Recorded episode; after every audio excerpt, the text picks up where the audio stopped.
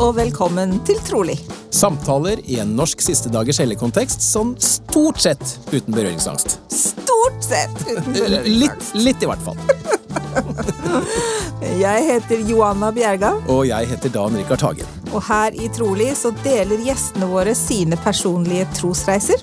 Og så snakker vi sammen om emner som opptar oss, og sannsynligvis også dere. Ja, For målet vårt det er å forsøke å skape et trygt rom med stor takhøyde og plass til alle. For alles historier fortjener å bli hørt. Og det er mer enn én måte å være en siste dagers hellig på. Eller noe helt annet.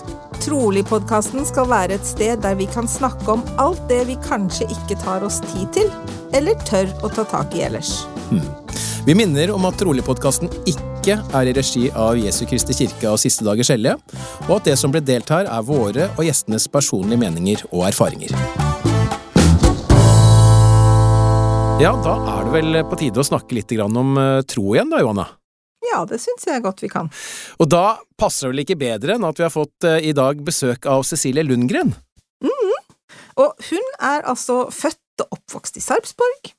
Og hun begynte å spille golf allerede som elleveåring. Og så satte hun seg tidlig mål om å bli proff golfspiller, og det ble hun. Ja. Men underveis så klarte hun òg å ta en lærerutdanning. Typisk bevis på at å sette seg mål, det kan være ganske lurt, altså. Mm. Og profflivet det har jo betydd mye reising for henne, noe hun elsker. Men etter at hun ble medlem av kirken da i slutten av 20-årene, så har mye av fritiden gått med til å være ungdomsleder. Mm. Og mer spesifikt unge kvinneleder i sin lokale menighet og på statsplan.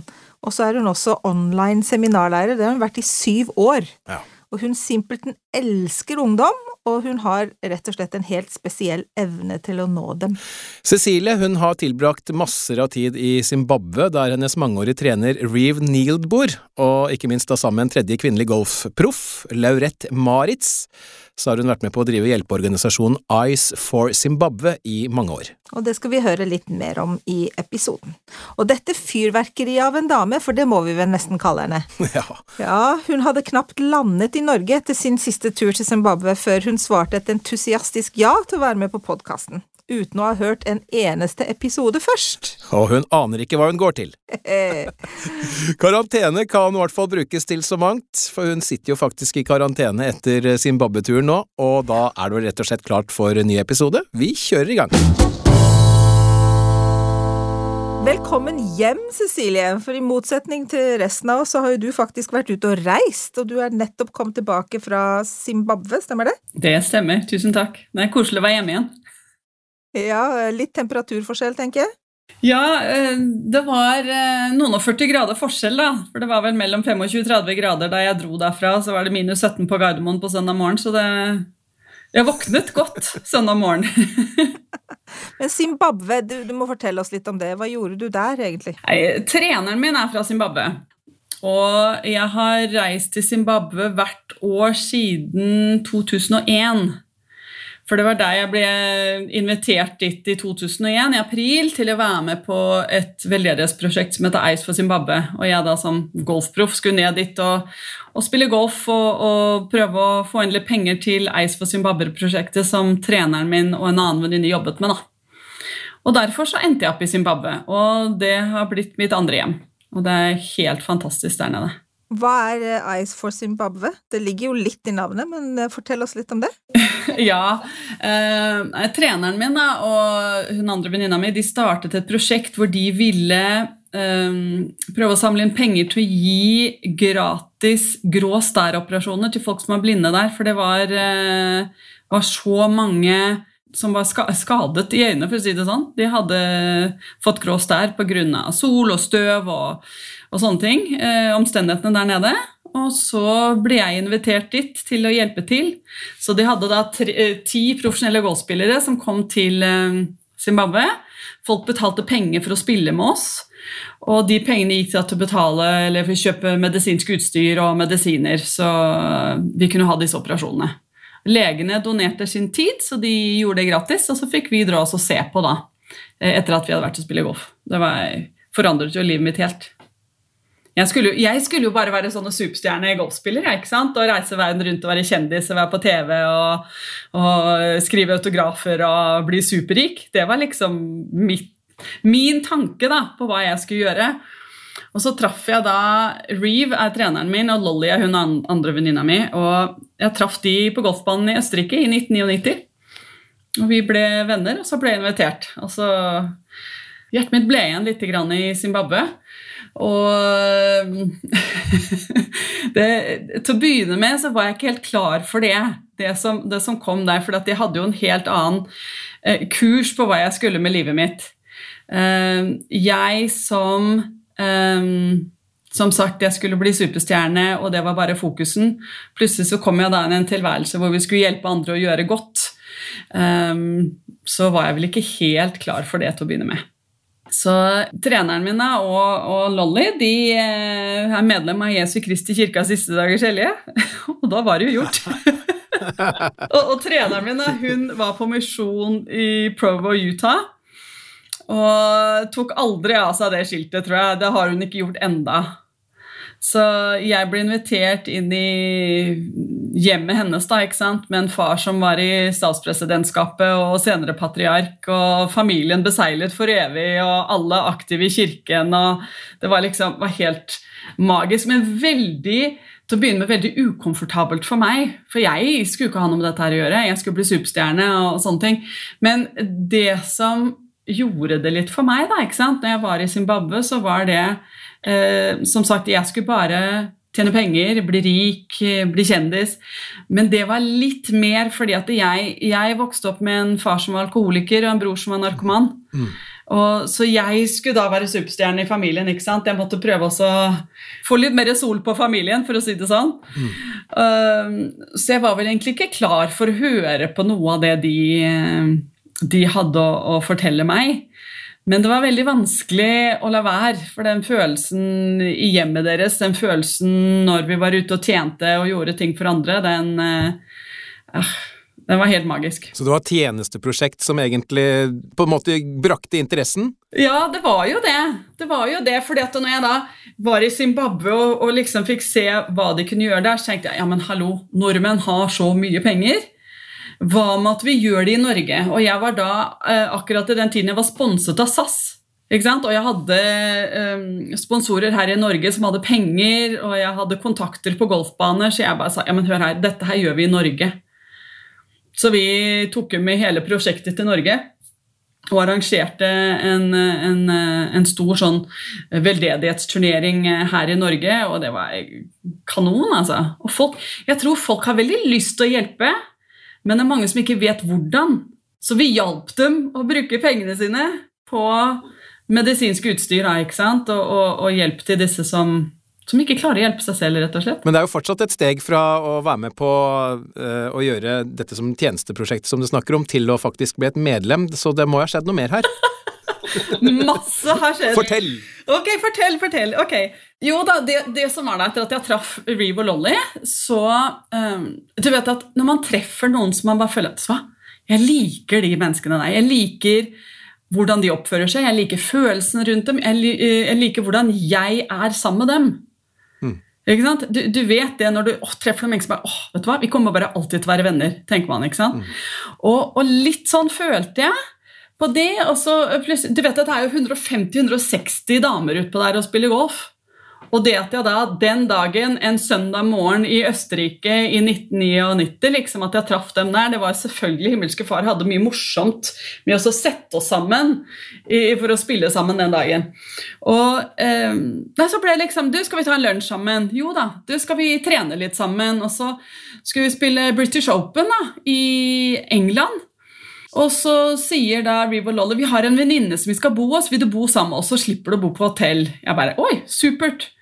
Og så sitter vi der på kjøkkenbordet da, ikke sant, og skravler litt. Og treneren min, som uh, fremdeles er en misjonær, hun sa til meg du, tror de på Gud? Jeg bare er du gæren? Det gjør jeg i hvert fall ikke. Uh, hvorfor det? Nei, fordi sånn og sånn og sånn. Og så begynte jeg å fortelle da, ikke sant, fordi at jeg hadde jo um, Farfaren min døde vel når jeg var i 6.-7. klasse, eller noe og så døde morfaren min da jeg var 17. Og så var det en kompis av meg jeg spilte på landslaget, han var 18 år da han døde av kreft. Så eh, døde pappaen min når jeg var to, 21. Eh, Bestevenninna mi døde når jeg var 22. Og så liksom Der kommer lista, ikke sant? Og så sa jeg det har jo ikke noe betydning, sa jeg, for hvor er de nå? Mm. Så vi sitter der ved kjøkkenbordet, og så stiller jeg henne det spørsmålet. For, for hvor er alle disse menneskene som nå er døde? Det har jo ikke noe mening. Ingenting. Og selvfølgelig, som den fantastiske misjonæren hun er, så dro hun fram en Hva heter det for noe? En serviett og en kulepenn. Så tegnet hun hele frelsesplanen. Fra begynnelsen til slutt.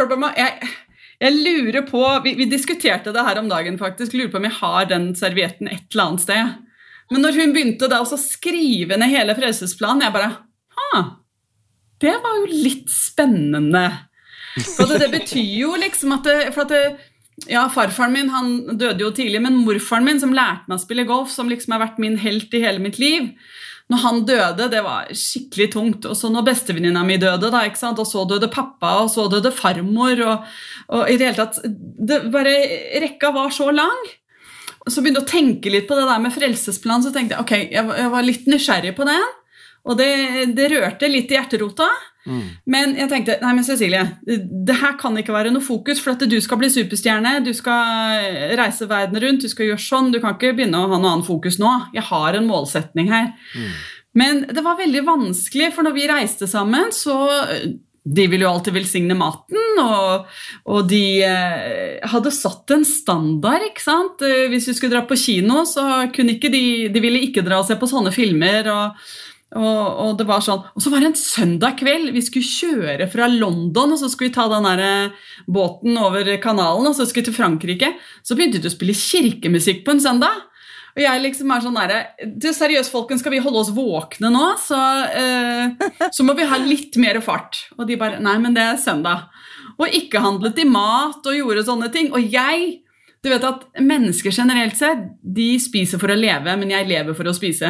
Jeg er helt jeg er så, Amen. Amen. Jeg er så glad i mat. Eh, så jeg liksom syntes det var kjempevanskelig, og så fikk jeg dårlig samvittighet hvis jeg skulle kjøpe mat og spise foran dem. Så, så, ble det litt sånn at lørdag da var det mye shopping for meg, og så inn i det der hotellkjøleskapet. Så, så det begynte litt sånn, og så ble det til at jeg begynte å gjøre som dem. da. Og jeg satt jo der, ja, da de begynte å velsigne maten og, og gjøre litt sånne ting.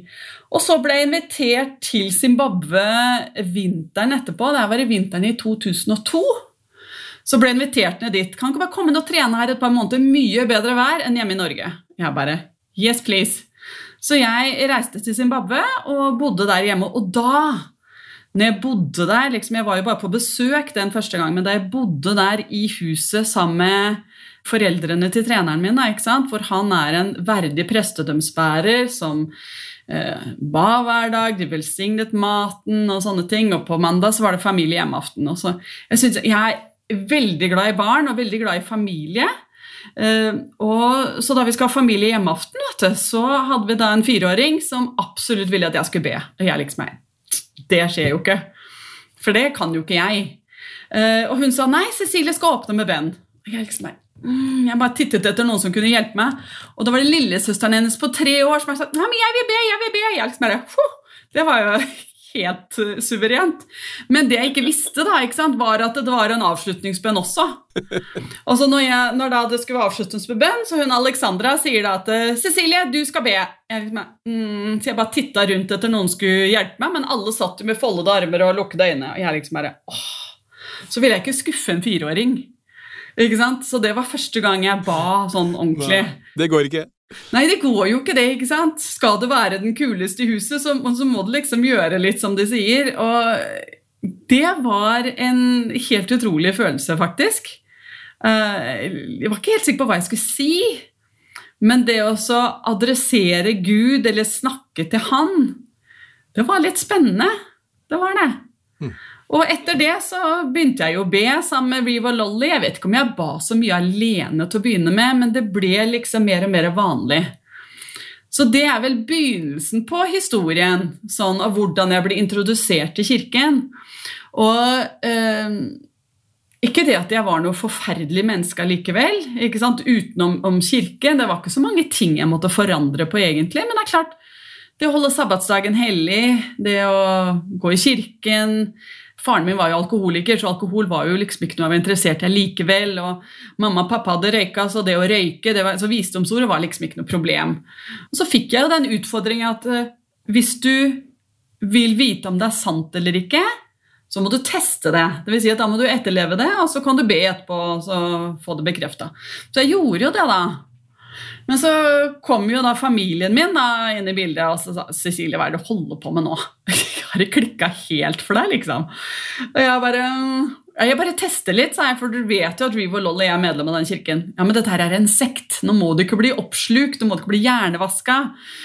Og mormor faktisk ringte til mamma en dag og sa det at «Eh, Du, Ellen, nå må datteren din hun må slutte å spille golf, hun må psykiatrisk hjelp. Dette her går ikke. og, så, og så ringte mamma til meg og sa vet du hva mormor har sagt nå. Og så sa mamma til meg da at du, hva er det du holder på med? Så sa jeg bare teste litt, sa jeg. Og så sa hun til meg da at ok, eh, de valgene du tar, de støtter jeg, for jeg tror at du har hodet skrudd på riktig. Så hva enn du gjør, så støtter jeg deg i det, og ikke bry deg om hva familien sier, sier hun da. Kan jeg få spørre deg hvor gammel du var på dette tidspunktet her? Da var jeg 29 år. Ok. Så det er bare to-tre år siden. Nei da. Ja, ja, ja. ja. ja, ja. Altså, du vet, eh, man blir jo ikke eldre enn 29. Det er 29 pluss moms etterpå. ja, takk skal du ha. Det er akkurat det. Ja, for det er jo selvfølgelig ålreit å kunne få en, eh, hva skal man kalle det, en godkjennelse fra familien sin også. Det er jo tross alt ikke alle som gjør det. Det gjør jo valget litt lettere. Ja, det gjorde jo det. Og faren min døde jo da jeg var øh, 21. Som jeg sa, Faren min var jo en alkoholiker, så jeg bodde jo ikke sammen med han fra jeg var 11 år. Det var alltid mamma. Så uansett, så lenge mamma sa det var ok, da, da følte jeg at jeg kunne gjøre det, øh, det jeg ville, for så vidt. Hun visste det at jeg var veldig flink og snill, og jeg gjorde egentlig som jeg ble, ble fortalt. Mm. Og, og, sånn som jeg, jeg hadde jo tenkt å bli proff da jeg var ferdig med videregående, jeg med mamma, så det er, ikke, det er jo ikke aktuelt engang. Du skal få en utdannelse, så kan du gjøre som du vil etterpå. Så jeg reiste jo til USA og gikk på college og, og fikk meg en utdannelse og sånn først. Mm. Og så sa hun greit, nå kan du gjøre som du vil. Så det var, liksom, det var viktig for meg det at mamma støttet meg i alt det jeg gjorde, for så vidt. Mm. Så um, Nei da, så Jeg tror ikke det var en måned eller sånn jeg, etter at mamma hadde faktisk sagt det til meg. Så ringte stefaren min til meg og sa vet du hva, det er noe gærent med mammaen din, nå må du komme med en gang. Og da jeg kom bort til mamma, så skjønte jeg at det var noe skikkelig gærent. Innen 24 timer så var jo hun i respirator.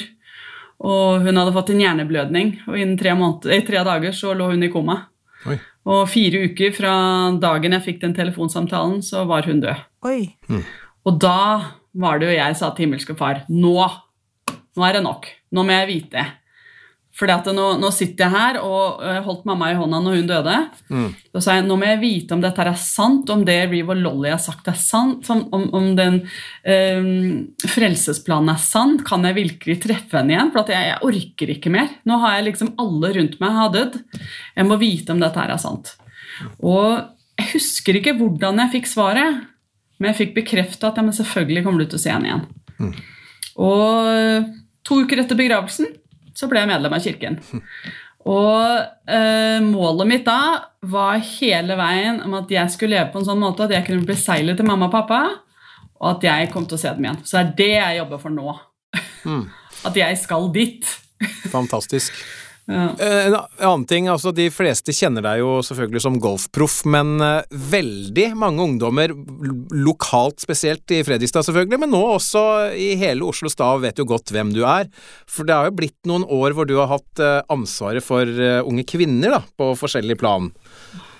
Fortell litt om det. Ja, vet du hva. Det eh, har vært helt magisk. Eh, til å begynne med å være medlem av kirken så reiste jeg jo så mye, vet du, så jeg var ikke hjemme og fikk ikke den koblingen til noen av medlemmene, egentlig. Og jeg, jeg husker når jeg eh, fikk min begavelse i Stockholm-tempelet i 2009 og det, det, det, var jo bare magisk i seg selv, for det var jo det var Oslo Stavs tempeluke. Det var helt, helt vilt. Himmelske far var jo så kul ved å bare samle alle nordmenn der da. Men jeg kjente dem jo ikke, så folk du, Hvem er denne norske kvinnen som skal til tempelet? Vi, vi kjenner ikke til det. Så, men som når jeg da ble kalt unge kvinner, så, så ble det at jeg, jeg, måtte ha den der personlige omgangen med, med alle ungdommer og sånn. da. Og det var kjempegøy. For har jo, nå har jeg tjent de unge kvinner se, I Fredrikstad menighet tjente jeg i elleve år i Unge kvinner. Og nå er det snart to år i Stavene Unge kvinner. Og det er det sjette året jeg nå jeg tjener som online seminærlærer for hele Norge. Så det er, du, det er så gøy. Jeg lærer så mye av disse ungdommene, og de, de pusher alt som er av mine kunnskaper og historier og tanker om ting. Så det er eh, kjempegøy.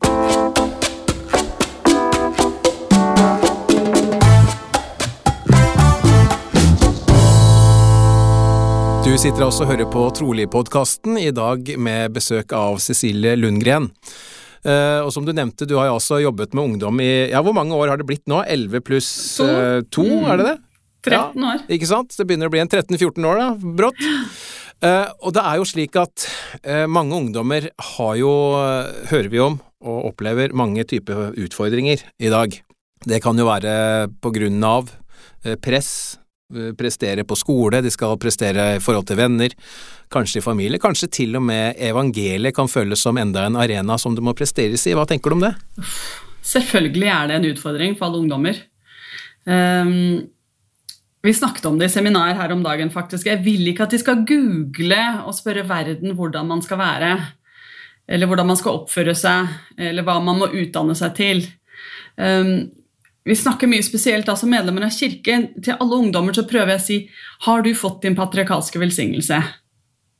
For den hjelper meg utrolig mye. Eh, jeg leser den ofte, og den eh, Den gir meg liksom den informasjonen som jeg tror himmelske far vil at jeg skal få til å pushe meg i den retningen jeg trenger å gå. da. Så jeg sier til ungdommene hvis ikke du har hatt din patriarkalske velsignelse, så få den, for den kan gi deg mye veiledning og hjelp. Og hvis du har den, les den. Mm.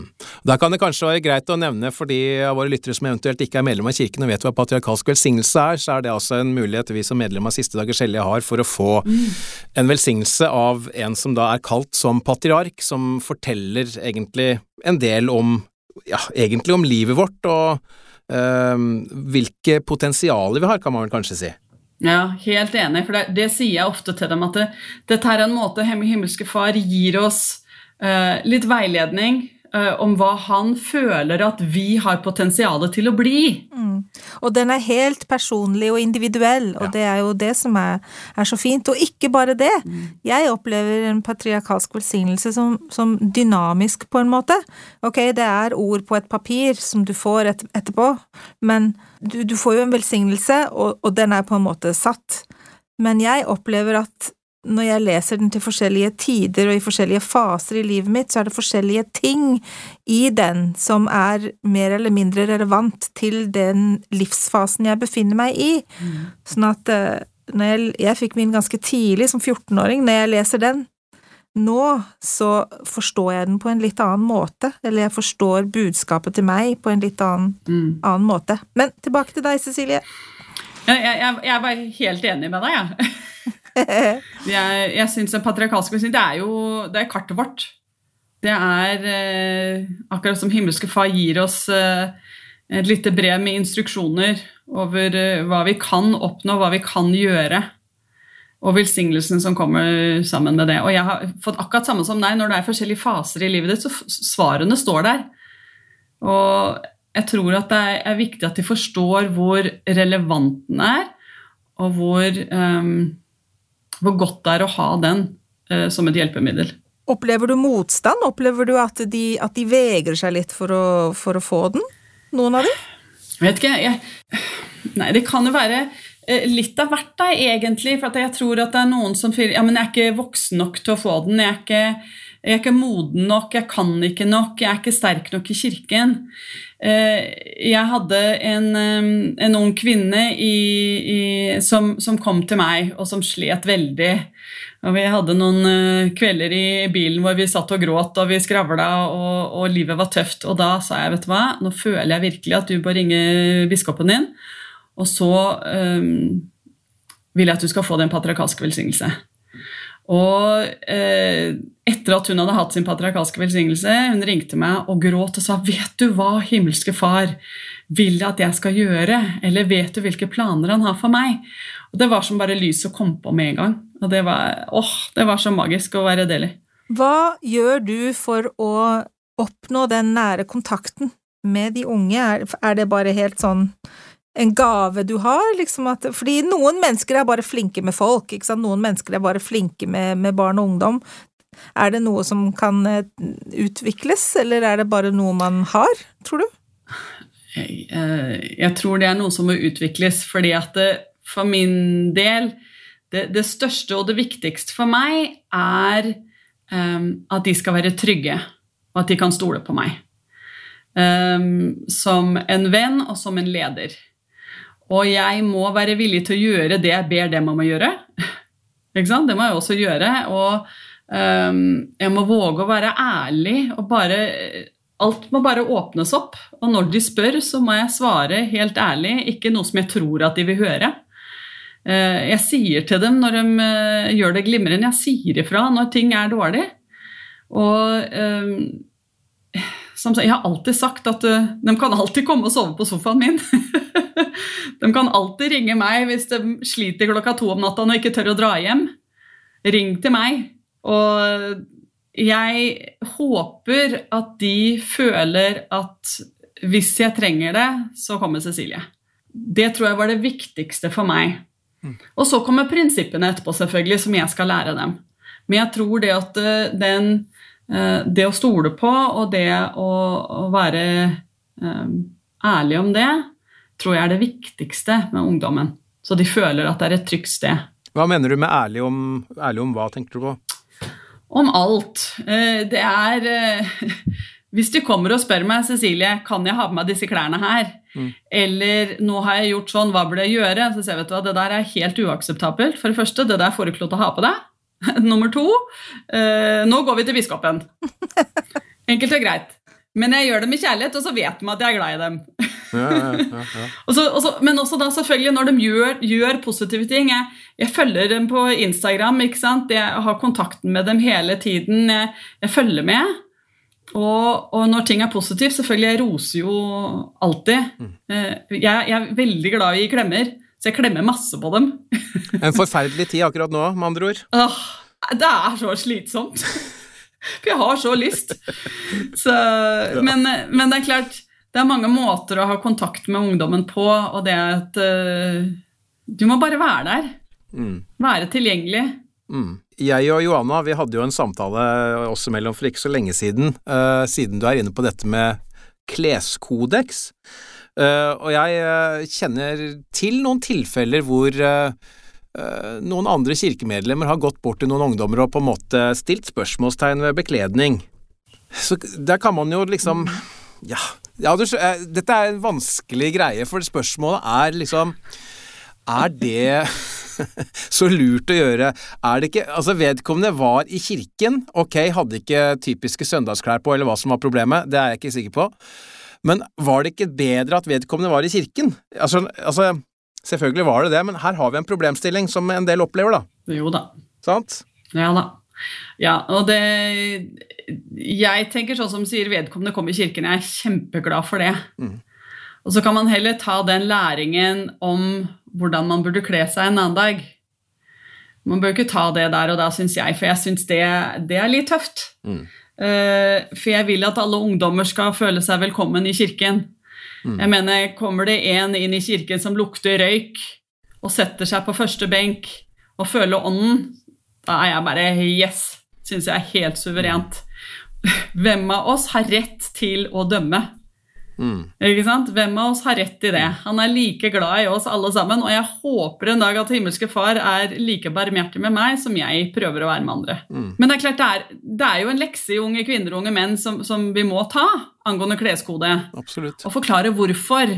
Så de respekterer kroppen sin. Og, og, ja, og så er det sånn, så, så, så sa jeg det, og gutta faktisk syns ikke det er så kult. Mm. For da klarer ikke de holde tankene sine rett heller.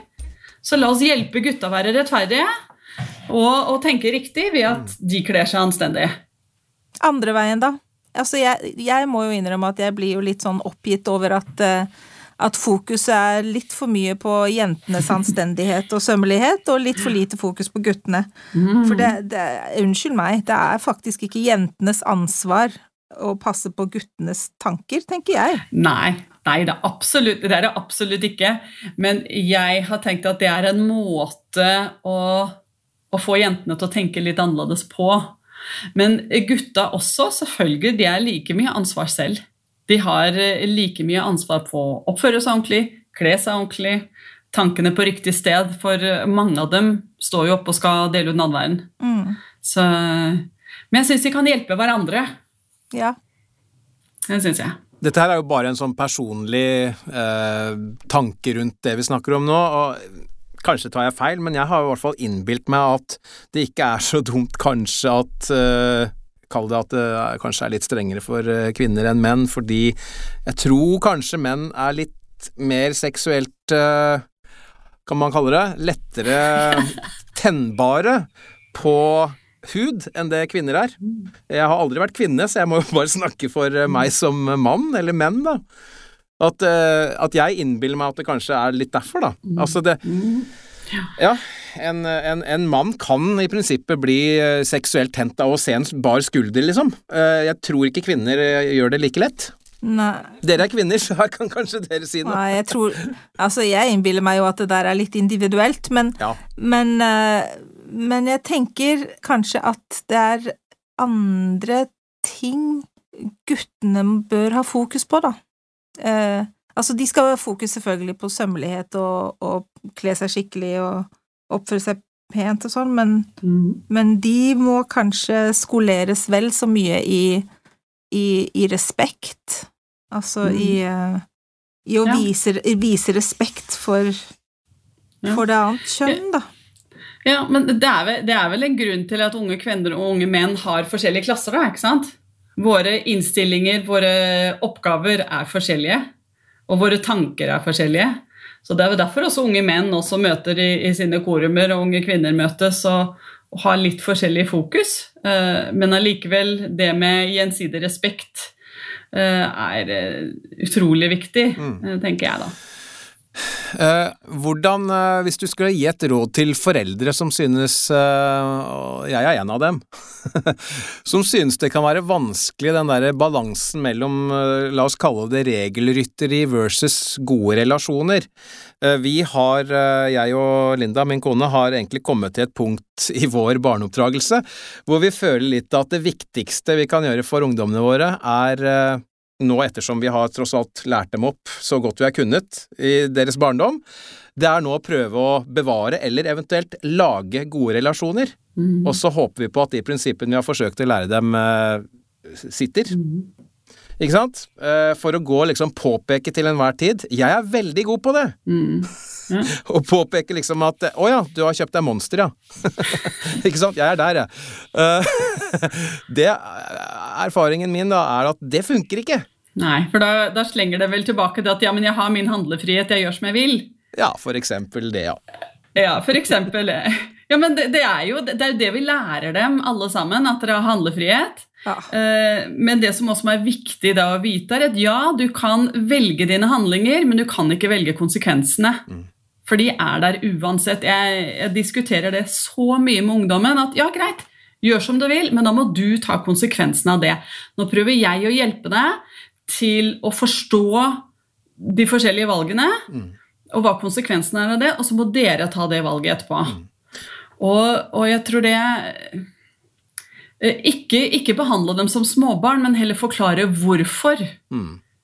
Eh, De, de, de er veldig nysgjerrige. Jeg tror jeg er inne på et vesentlig poeng som kanskje ikke alle er like flinke til å gjøre, det er å forklare hvorfor. Og det er, det er jo ikke alltid sånn at, at svaret er jo, fordi du ønsker å komme tilbake til himmelske Fader, sant? For det blir et veldig langt perspektiv.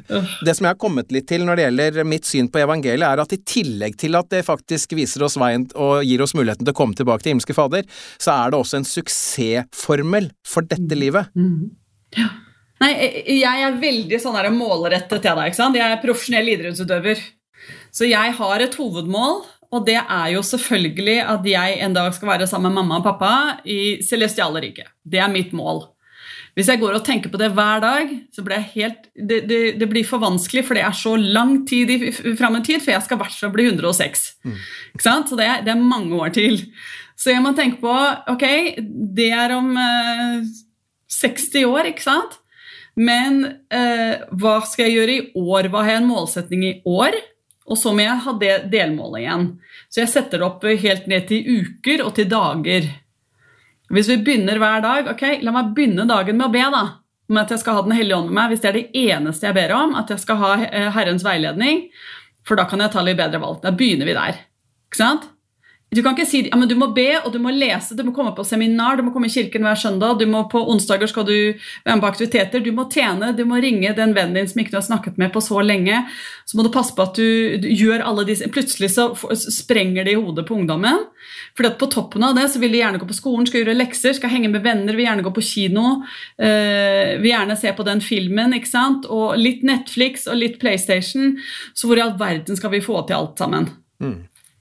Og, og da syns jeg det, vi må bare bryte det helt ned og så si at ok, hva, hva er hovedmålet ditt, og, og, hva kan vi begynne med i dag for å liksom jobbe litt mot det?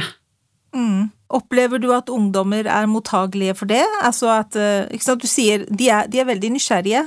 Føler du at, eh, at det er en at, at, det kan brukes Selvfølgelig kan det det. Brukes konstruktivt på en, altså på en måte Er det det du svarer, da? Ikke sant? Hvis de sier 'hvorfor det'? Hvorfor skal jeg det? Ja. Ja. Er det det du sier? Liksom, ja, du må bryte det ned, du må liksom ja. begynne en plass, du må mm. begynne et sted. Er det det som er hemmeligheten for å nå fram til de? Liksom, ok. Kanskje for noen. Men sånn er, eh, som jeg sa tidligere, jeg har fått meg en utdannelse på college. Jeg er utdanna lærer, da. Du er det, ja. ja. Jeg er utdanna lærer. Og, og så og det, det, En av de tingene som jeg lærte som jeg tok med meg, var at jeg, jeg fikk beskjed om at hvis jeg hadde 25 elever da jeg, og skulle forklare et prinsipp, så må jeg kunne forklare det på 25 forskjellige måter. Så det er veldig spesifikt. Du kan ha 17 elever i en klasse som skjønner det når du sier sånn, men så har du tre elever som trenger det på en helt annen måte. Og, og, jeg ser det i kirken med, med søsken. Jeg har jo opptil flere søsken i seminar nå, f.eks., og jeg har hatt de unge kvinner. Og jeg ser at den førstefødte går på skinner, og så kommer den neste etter, og du får grå hår. Fordi at du ikke klarer å, å, å finne ut av hvordan du skal få, få den kontakten med den personen. Så, så jeg tror det er veldig som som lærer, som leder, som en representant i kirken Det kommer tilbake til det der at vi må be om å få veiledning til hvordan vi skal hjelpe den personen. Fordi at det, Ja, du kan si det at ja, for mange så, så går det at det, å snakke og si at vi må bryte det ned og, og gjøre sånn og sånn, og så er det én som bare må ta én dag. Mm. Hvis du kan klare dette i dag, så er jeg kjempestolt av deg. Mm. Og hvis du kan klare det i morgen òg, da får du gullmedaljen. Mm. Ikke sant? Og hvis du etter en uke kan fortelle meg at det her ikke har gjort livet ditt bedre, da kan du slutte. Mm. Mm. Men da må du gjøre det med ærlige intensjoner og prøve å jobbe. Skal vi gjøre det, så må du gi det 100 mm. og så finner vi ut av det. For jeg har sagt at jeg har fått svar fra himmelske far om sannheter, mm. og jeg vet at han svarer dere også. Jeg lurer på én ting, Cecilie. Eh, gjennom alle disse årene eh, som leder for ungdom, så har jo du egentlig kanskje mer enn mange andre førstehåndsinformasjon om hvor, ofte, hvor skoen ofte trykker for ungdommene. Klarer du å på en måte si noe om det? Um, jeg spurte det i en unge kvinneklasse en gang. Eller nei, det var en søndagsskole var det for ungdom var det. Jeg var, var uh, bare vikar der en søndag. Og da eh, jentene sa det med antrekk og klær, det var tøft for dem. Altså å akseptere? Nei, ja, nei. Eh, og så kle seg anstendig, rett og slett. Det syntes de var vanskelig i henhold til normen og hva verden sier. Det var en stor utfordring for dem å kle seg anstendig. Gutta så var det alkohol. Mm -hmm. Det var et problem de hadde. Eh, men senest her var det tirsdag var det tirsdag? Ja, det var i går, det. Seminaret i går morges, så hadde vi en liten diskusjon.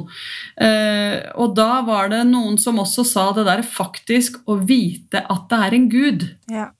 Hm. Hvordan vet jeg? Så det var litt interessant. For vi, vi eh, skulle inn i skriften litt, så vi laget oss et eget leksikon med skriftsteder som kunne hjelpe på forskjellige ting, og da var det ene tingen. Var å vite om himmelske Far faktisk finnes og er der. Ja.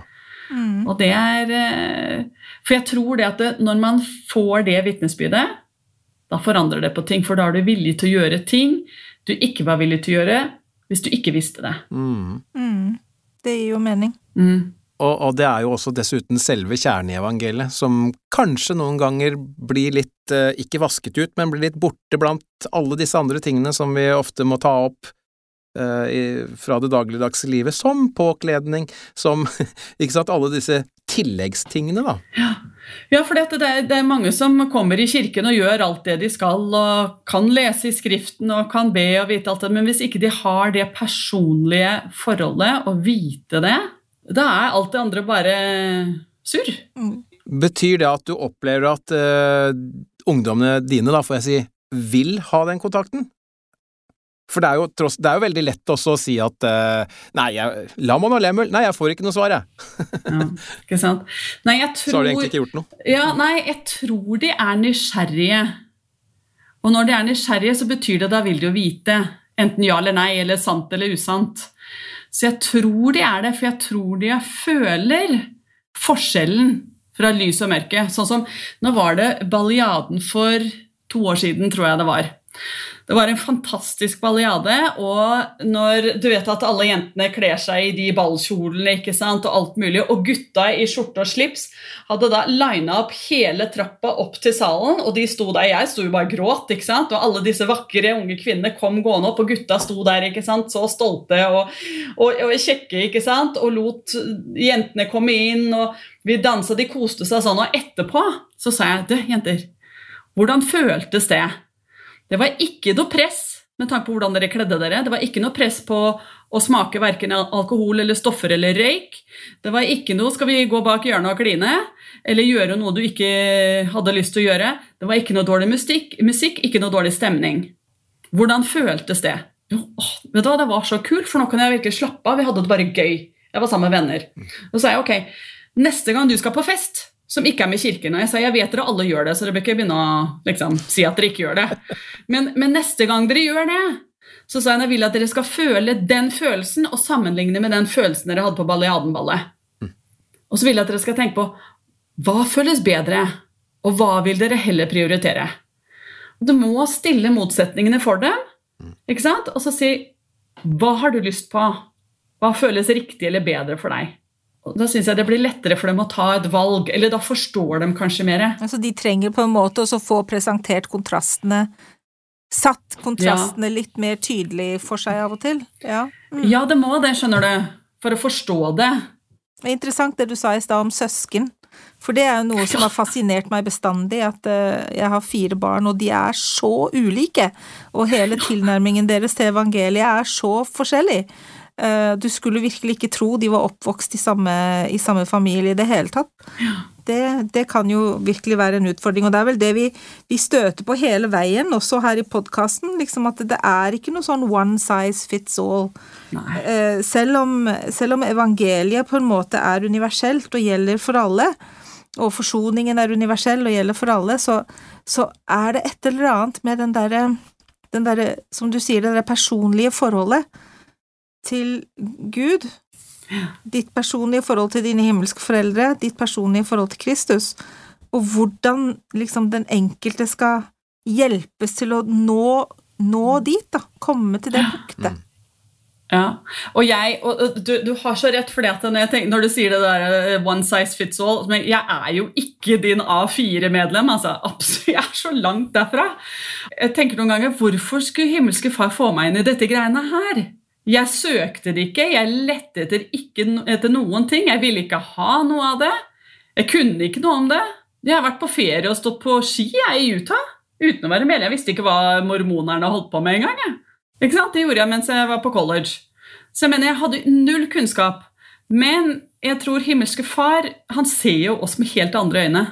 Og det må vi gjøre litt, og vi må se litt på barna våre eller på ungdommene våre på en sånn måte. Altså? Nå må vi la være å dømme. Vi vet at han er like glad i Ola som Lise som Kari og Fredrik. Vi må bare hjelpe dem å finne, finne ut hvordan de kan finne seg sjøl. Mm. Eller finne ut hvem de er, og den verdien de har.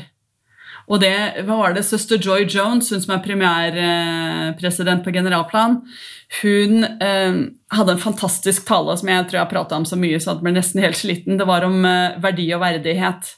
verdien vår er lik uansett. Det er bare verdigheten som forandrer seg basert på hvilke handlinger vi har. Og, og når jeg hadde den leksa til unge kvinner, det var så gøy, for det er jo snakk om at hva slags verdi har vi som unge kvinner eller unge menn eller voksne, hvem det er. Vi tre som er her. Hvem kan vel si at uh, du har noe mer verdi enn meg eller deg, eller hva nå det er? Og det tror jeg ungdommen de baserer det litt på hvor, uh, om du har siste iPhone, eller uh, om jakka di koster 7000 kroner, mm. Mm. eller om du veier 37 kilo eller 47 kilo. Det er litt sånn, dessverre. En ting jeg hekta meg opp i, du sa at du er ikke noe typisk A4. Uh, mormon regner jeg med du tenkte på da, og da må jeg spørre deg, hva er en typisk A4? For jeg tror ikke jeg kjenner noen. Nei, det er helt riktig. Jeg er i hvert fall ikke det. Nei, det er godt, jeg tror ikke ingen av oss som er her er det, men uh, det er jo klart det Når man uh, Jeg vet ikke hva verden sier, eh, det normen av å være en kristen person ikke sant? Det betyr jo ikke det at ikke vi kan ha det kult og spille musikk og danse til klokka fire om eh, morgenen og, og ha det kjempegøy. Ikke sant? Det, det, har jo ikke noe med det å gjøre. Det har jeg tror det har mer med hvordan du, du bestemmer deg for å leve livet, den standarden du setter for deg selv. Ja. Tror jeg er, er viktig. For jeg, um, jeg, tenker jo at det er, det er jo ikke mulig å, å, kategorisere noen som et A4-medlem fordi du aner ikke hva som foregår inni hjertet deres. Ja, du kan se Nei. enkelte ting de gjør, på godt og vondt, men du vet ingenting. Nei. Men, men det er jo sånn himmelske far vil ha det. Hvis vi skal være på hans lag Han vil jo ikke ha eh, fire og en halv million mennesker som er sånn. Nei.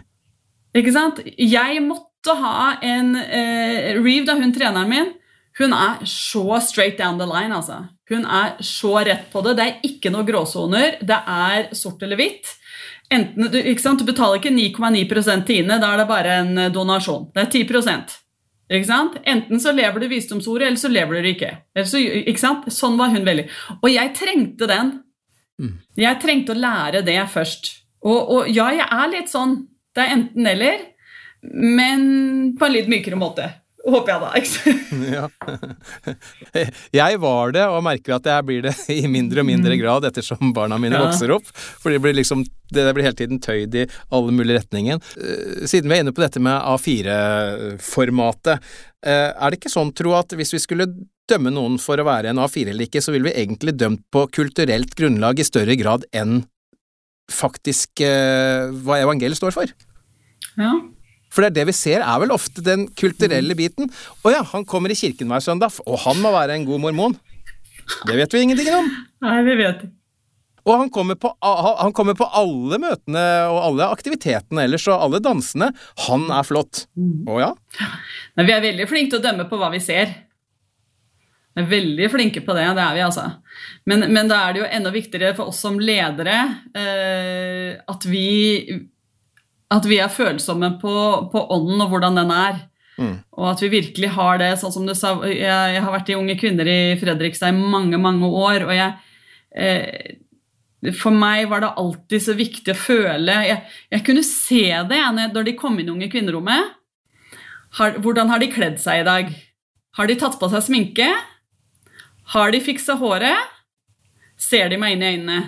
Ikke sant? Det er noen av antydningene på om ting er bra eller dårlig for min del.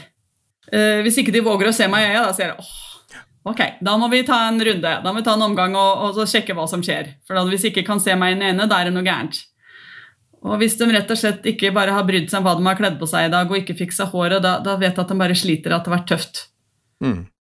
Og, ikke sant? og da ville det være fryktelig dumt å si oi, du har kledd deg sånn, du vet jo at du er i kirken, eller? Den går ikke. Ja, men, ikke ja, men, da har du ja, bomma. Da har du bomma helt, og da, da, er det viktigere for deg å kunne bare si fra at ting er gærent, istedenfor å bry seg om den personen ved å bare observere at her er noe gærent, og det vil jeg fikse fordi jeg bryr meg.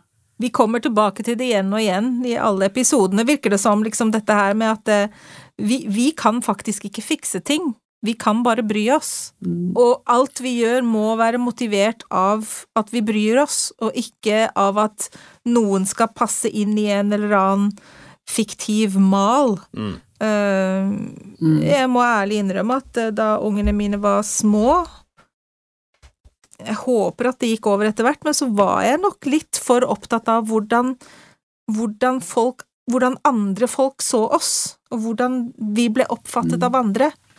Um, jeg, som sagt, jeg håper at det på en måte At jeg skallet det av etter hvert. At det ble viktigere for meg At det, det var ikke motivasjonen min for Mm. hvordan de oppførte seg, eller hva de hadde på seg, eller hva de gjorde.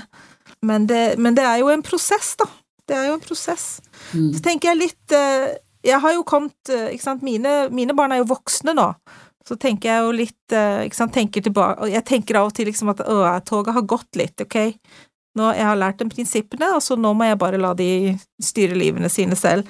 Men eh, hvordan er det for deg, for nå har du vært såpass lenge i Unge kvinner at du ser jo Altså, noen av disse unge kvinnene Altså, alle unge kvinner, de blir jo voksne, og de forsvinner ut av Unge kvinner. Hva slags forhold har du til de etterpå? Enten de blir i kirken, eller enten de forsvinner ut, ut uh, sidelinjen. Ja. Jeg har jo opplevd begge delene. Men nå, innen et år, så har jeg hatt uh, selv Det var ett like før korona, og ett under uh, koronaen. Så var det to av mine unge kvinner som giftet seg, og begge to giftet seg i tempelet. Og, og det for meg var jo bare helt magisk. Uh, og jeg har veldig god kontakt med dem. Jeg, uh, jeg har sagt det til mange før, men, men jeg tror min, min største sorg er at ikke jeg giftet meg og fikk barn. Jeg har alltid vært utrolig glad i barn, men jeg har jo skjønt eh, det livet jeg har levet, å reise rundt og, og spille golf. Jeg har, vært rundt, jeg har reist verden rundt eh, ja, ti ganger sikkert. Og fått gjort masse, men jeg, jeg ble aldri gift og fikk barn. Og det, det har vært kjempetrist for meg. Men himmelske far har jo gitt meg så mange barn. Jeg har så mange barn. Ikke sant? Først de unge kvinner i Fredrikstad, og så nå unge kvinner i Staven, og så alle seminarelevene mine. Og jeg sier jo til dem hele tiden at jeg er så glad i dem. Og at de oppfører seg ordentlig og ikke gjør noe jeg ikke vil ha gjort. ikke sant? Og bare sånne ting. Og jeg, jeg tror det er eh, for meg det beste når jeg ser dem etterpå. Jeg ser Det er flere av de som har dratt på misjon. Ja, det er noen som ikke har dratt på misjon. Det er noen som ikke er medlem av kirken lenger engang. Men så er det noen som holder seg veldig sterke. Det betyr jo ikke at jeg er noe mindre glad i noen av dem allikevel. Um, men for meg er det viktig at jeg lot dem vite at jeg er glad i dem, at jeg bryr meg, og at jeg er der hvis de trenger noe. Tenk litt på det du sa der, at det har vært en sorg for deg at du aldri ble gift og fikk egne barn. Åssen har det vært å være medlem av en kirke som er så fokusert på familie, og, og være, og være singel? Åh, jeg får så mange forespørsler om blind dates, og du, jeg har en nevø. Ikke sant? Disse gamle damene kommer og du, 'Jeg har en nevø', eller 'jeg har et barnebarn', eller 'jeg har sånn', og så sa jeg jo så koselig, da, sier jeg, ikke sant? Men um, det har ikke vært noe problem. Absolutt ikke. For jeg, jeg tenker litt sånn nå, da. Nå som jeg tjener i Staven, så tjener jeg sammen med eh, Jenny Fagertun og Sally Høgseth. Og begge de to har barn, mange barn, som trenger hjelp. Så jeg har sagt at jeg kan bare stå opp om morgenen, ta meg en dusj, og jeg kan sette meg i bilen og kjøre hvor dere vil. Hvilken som helst menighet, og så kan jeg være til stede. Og jeg kan være til stede på aktiviteter. Jeg kan gjøre sånn fordi jeg har den tiden. Så, så om det er måten himmelske far har planlagt at jeg skulle være mor til mange, så, så er det helt supert. Mm. Så jeg, jeg, så jeg ser jo ikke det som noe problem, uh, sånn sett. Jeg ser ikke det som noe problem. Men, men det er klart jeg, jeg trodde da jeg var 18, jeg. Var jeg 18 eller 19? Jeg ble fridd til da jeg var 19. Eh, selvfølgelig ikke medlem av kirken. Det var en gutt jeg hadde vært kjæreste med ganske lenge. Men jeg skulle jo til USA og spille golf og få utdannelse og bli superstjerne. Så jeg sa det at sorry, det må vente. Og så kom jeg hjem, og han, vent, han ventet på meg et par år. Gjorde han. Men så skjønte han det at Cecilie hadde litt, helt, litt andre planer.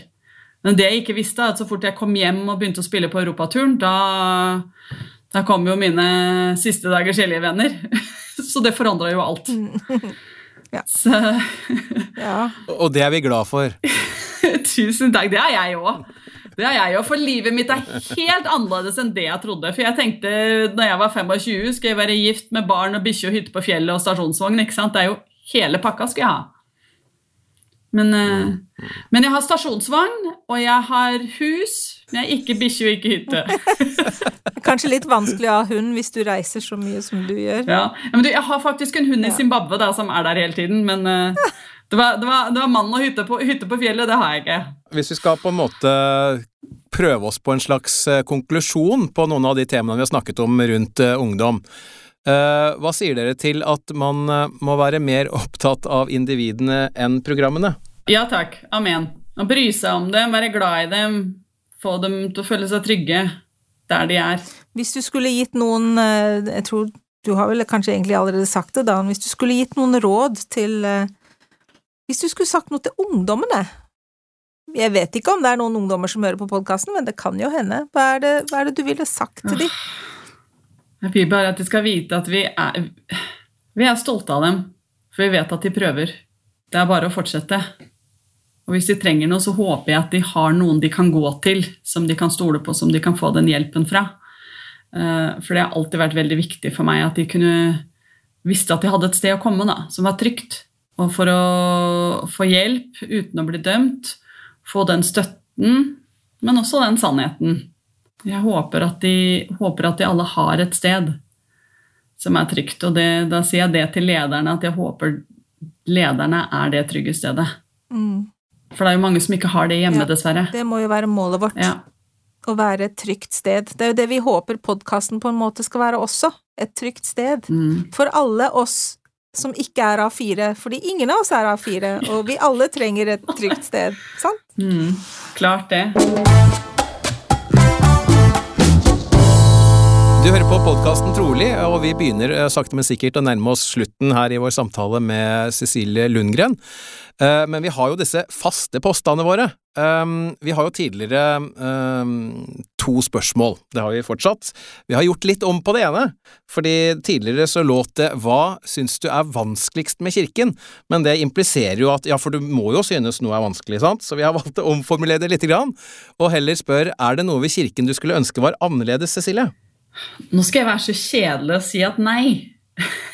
Det er lov. Ja, og, og nå skal jeg være litt sånn der eh, Jeg vet ikke hva jeg kan kalle det, men den ene tingen som jeg setter sånn utrolig pris på med kirken, at eh, prinsippene, hvordan kirken er satt opp, er basert på hvordan frelseren gjorde det tidlig. Og, og det er derfor vi har gjenopprettet den på samme måte. Og jeg føler at sånn liker jeg at det skal være. Det er en grunn til det. Så jeg liker det. Jeg liker det at det er stødig, at det er fast. For det er det vi trenger. Blir det det samme svaret, da? Hvis jeg sier så hva er det aller, aller beste med evangeliet og kirken for deg? Nei, da skal jeg svare det at det som var beste for meg, var jo selvfølgelig når jeg lærte om frelsesplanen. For å vite det at jeg kan, hvis jeg gjør min del, så kan jeg være sammen med min familie for evig. Og for meg så er det min motivasjon, det er det som inspirerer meg, det er det som løfter meg, og det er det som hjelper meg hver dag. Jeg har mistet, jeg har jo mistet mamma, pappa, en stefar, en reservefar, mormor, morfar, farmor, farfar, bestevenninne, bestekompis Jeg mener, jeg har mistet alle. Så jeg Det er så deilig å vite at vi har den muligheten. Cecilie Lundgren, det hadde vært uh, utrolig hyggelig å ha deg med i podkasten. Tusen takk, det har vært kjempekoselig å være med. Det håper jeg det var. At vi ikke var Ja, ja det syns det er kjempegøy å diskutere litt sånn. jeg. Ja, det er kjempegøy, og det er jo det vi har opplevd. Det har vært uh, Det har blitt litt mer jobb og litt mer organisering enn vi kanskje tenkte i forkant. Kanskje det fineste er jo nettopp det at vi blir, vi blir bedre kjent med utrolig mye fine folk. Det er så mye herlige mennesker i kirken i Norge, og utenfor kirken i Norge, for så vidt, men eh, veldig mye fine folk, mye fine perspektiver. Mm, ja, og det, det er jo en av de tingene når jeg ble kalt til staven. Når du spurte det der med å være singel i kirken, så eh, en av mine unge kvinner Jeg, jeg satt jo og gråt vet du, når jeg ble kalt til staven, for jeg var jo Unge kvinners president i Fredrikstad. Altså den, jeg var ikke i Norge når de forandringene ble gjort, og jeg ble kalt til staven. Så jeg skrev en, en melding til alle unge kvinner og så sa jeg bare så dere vet, i dag så har jeg blitt bedt om å bli kalt til staven, de unge kvinner, og da må jeg si nei til å være unge kvinners president i Fredrikstad. Jeg, og dere vet jeg gjør det fordi Herren har kalt meg til å gjøre det. Så fikk jeg tilbakemelding fra en av unge kvinner. Ja, men hallo, Cecilie. Det er jo fordi du skal finne han der callen din i en eller annen menighet. Du kan jo ikke bare være i Fredrikstad menighet hele tiden. så, så det hun så det som, var at ja, men nå sender han deg til alle menighetene rundt omkring, så du kan finne han. Det er jo derfor, så det er helt greit, sa hun da. ikke? Så, så, så, for å svare på det der at ja, jeg, et, nå mer og mer, fordi jeg ikke bare er i Fredrikstad, treffer jeg jo så mange nye mennesker som jeg egentlig ikke kjenner. Og jeg har vært medlem nå i 18-19 år snart. Mm. Herrens veier er uransakelige, det er i hvert fall sikkert. Åh, ja, Og helt annerledes enn våre. Ja, og livet blir aldri som man trodde. Nei, og vet du, det er en ting som jeg har snakket mye om. for Jeg var sånn at mitt liv var så uforutsigbart pga. pappa ikke sant? som alkoholiker. Det spørs hvordan han var om morgenen, om dagen min ble bra eller ikke. Og broderen, ikke sant? for han var jo narkoman, så hvordan han var, da spørs det også litt hvordan dagen ble. Men så når jeg da ble voksen, så skulle jeg ha så orden på livet mitt. Jeg skulle ha så liksom Nå skal jeg vite, nå skal jeg gjøre, jeg skal planlegge alt. Og så ble jeg medlem, og så kom Den hellige ånd. Åh, Den hellige ånd ødelegger alt for den der strukturen min. det, men det er jo det beste som fins, da. Her kom Den hellige ånd og ødela alt. Ja, ja. Fantastisk. Ja, men det er jo det beste. Ja, men Du skjønner hva jeg mener? Det var, fordi Da ville jeg ha den stabiliteten i livet mitt. ikke sant? Og jeg trodde jeg kunne det. det, og du vet, I januar så visste jeg hva jeg skulle gjøre hele året. Pga. turneringer og hvor jeg skulle reise, og når jeg hadde ferie og når jeg skulle trene. Og sånne ting. Og så ble jeg medlem av kirken, og så plutselig så sier Den hellige ånd ja, men du skal ikke gjøre det nå, nå skal du gjøre det isteden. Og det, det bare ødela jo hele systemet mitt. Ja. Men eh, på en meget positiv måte, da. Ja. Heldigvis. Ja. ja da. Ja, tusen takk, Cecilie, for at du tok deg tid til å være med oss på podkasten. Vi setter utrolig stor pris på det. Jo, selv takk. Det var, det var kjempekoselig, og jeg, jeg syns det er veldig gøy å diskutere evangeliet generelt sett, men også selvfølgelig ungdommen. Jeg er veldig glad i dem og gjør alt hva jeg kan for dem, så jeg syns det bare er koselig å være med. Så tusen takk for muligheten.